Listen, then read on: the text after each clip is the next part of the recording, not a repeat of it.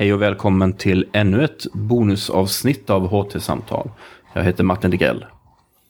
För ett par veckor sedan var det bok och biblioteksmässa i Göteborg. Lunds universitet var såklart på plats och i vår monter bjöds det bland annat på samtal med forskare från hela universitetet som på olika sätt är aktuella med böcker, rapporter och dylikt. Samtliga av dessa möten finns att titta på på vår YouTube-kanal. Men jag tänkte även lägga upp några av samtalen som har HT-anknytning som bonusavsnitt här. Och först ut är mitt samtal med arkeologen Katarina Botvid. Ja, då hälsar vi välkomna till Lunds universitetsmonter här på Bok och biblioteksmässan. Och jag sitter här med Katarina Botvid som är doktor i arkeologi och även yrkes, yrkesverksam keramiker.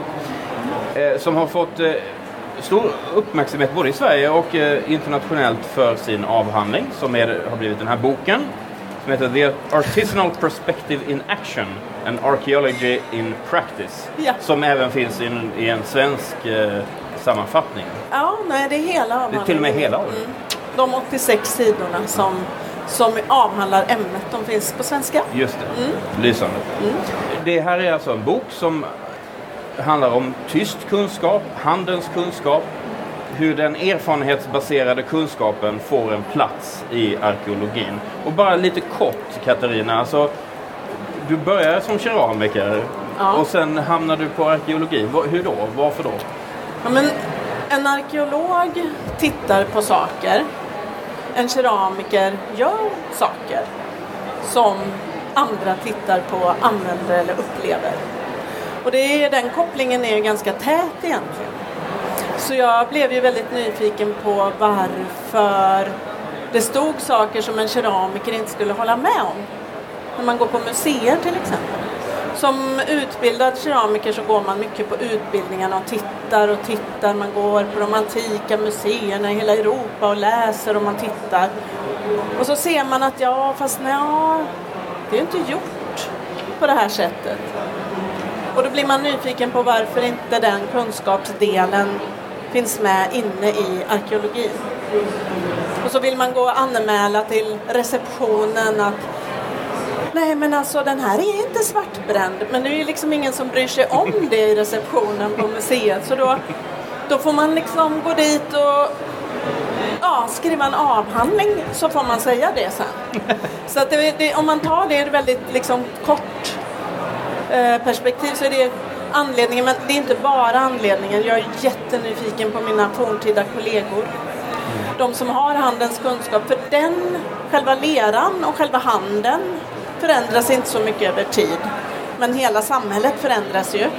Men vi, eh, ja den här är av plast men eh, formen och att den har vatten i sig.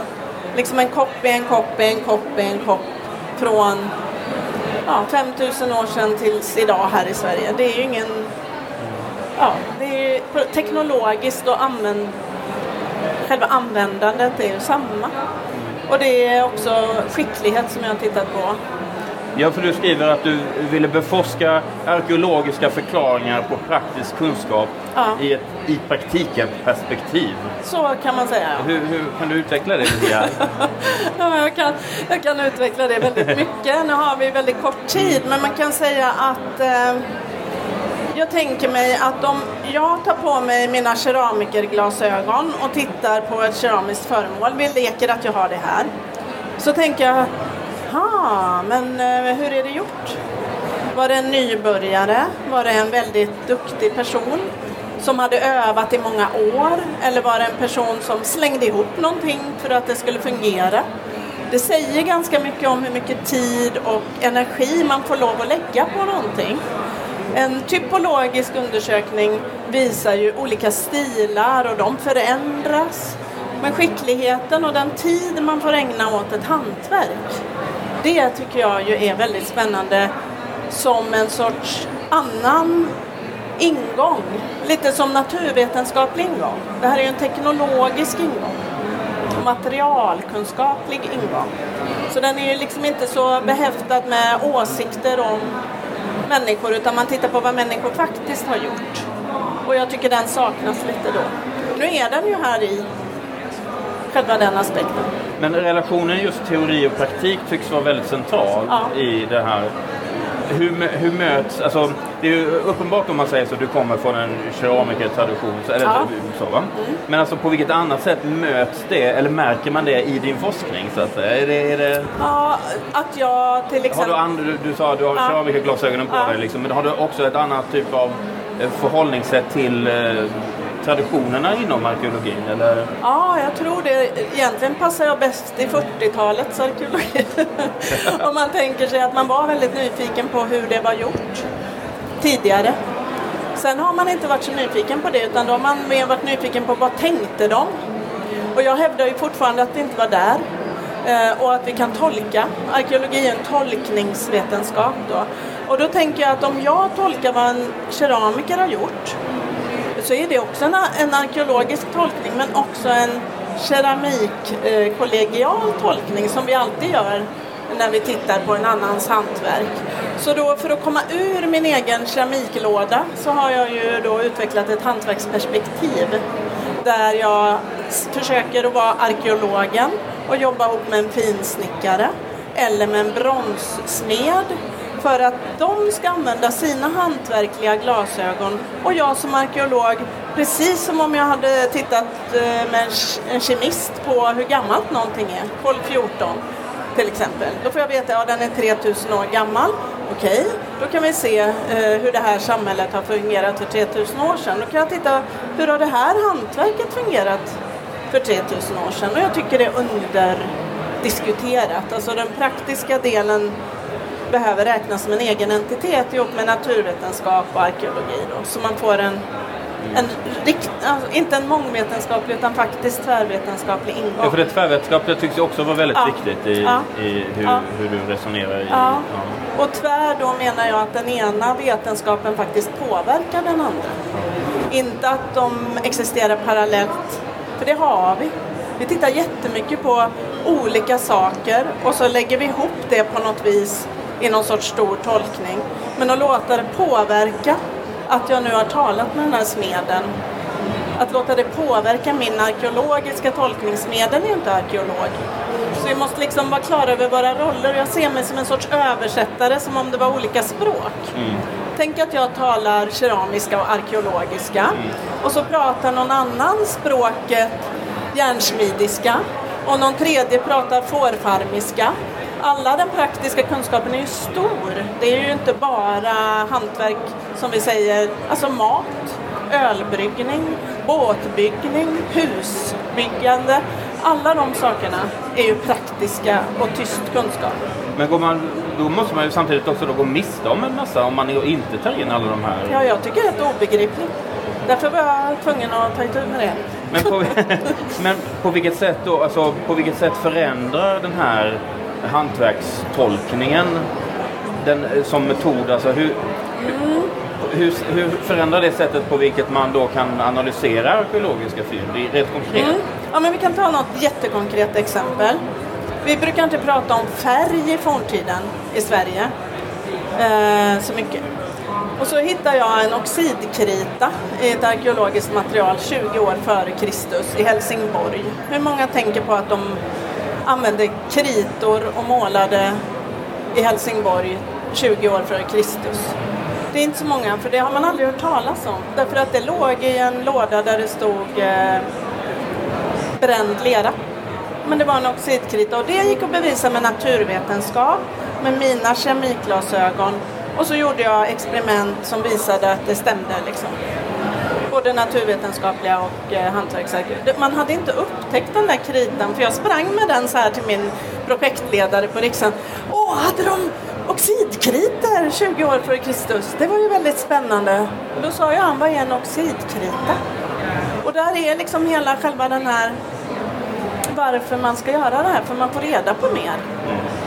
Och vi vill, alltså arkeologi, man vill ju veta om tidigare tider och vad de gjorde. Sen tycker jag också att eh, få veta hur lång tid någonting tar att lära sig. Som ett litet trälock som ligger i Kärringsjöns måste Det tar fem år att lära sig den splinttekniken som det är gjort. Och de har svarvat björkskålar 400 år efter Kristus. Jag visste inte ens att de hade svarvar För jag är ju arkeolog och keramiker och då får jag ju jättemycket mer kunskap och hantverken kommer upp liksom.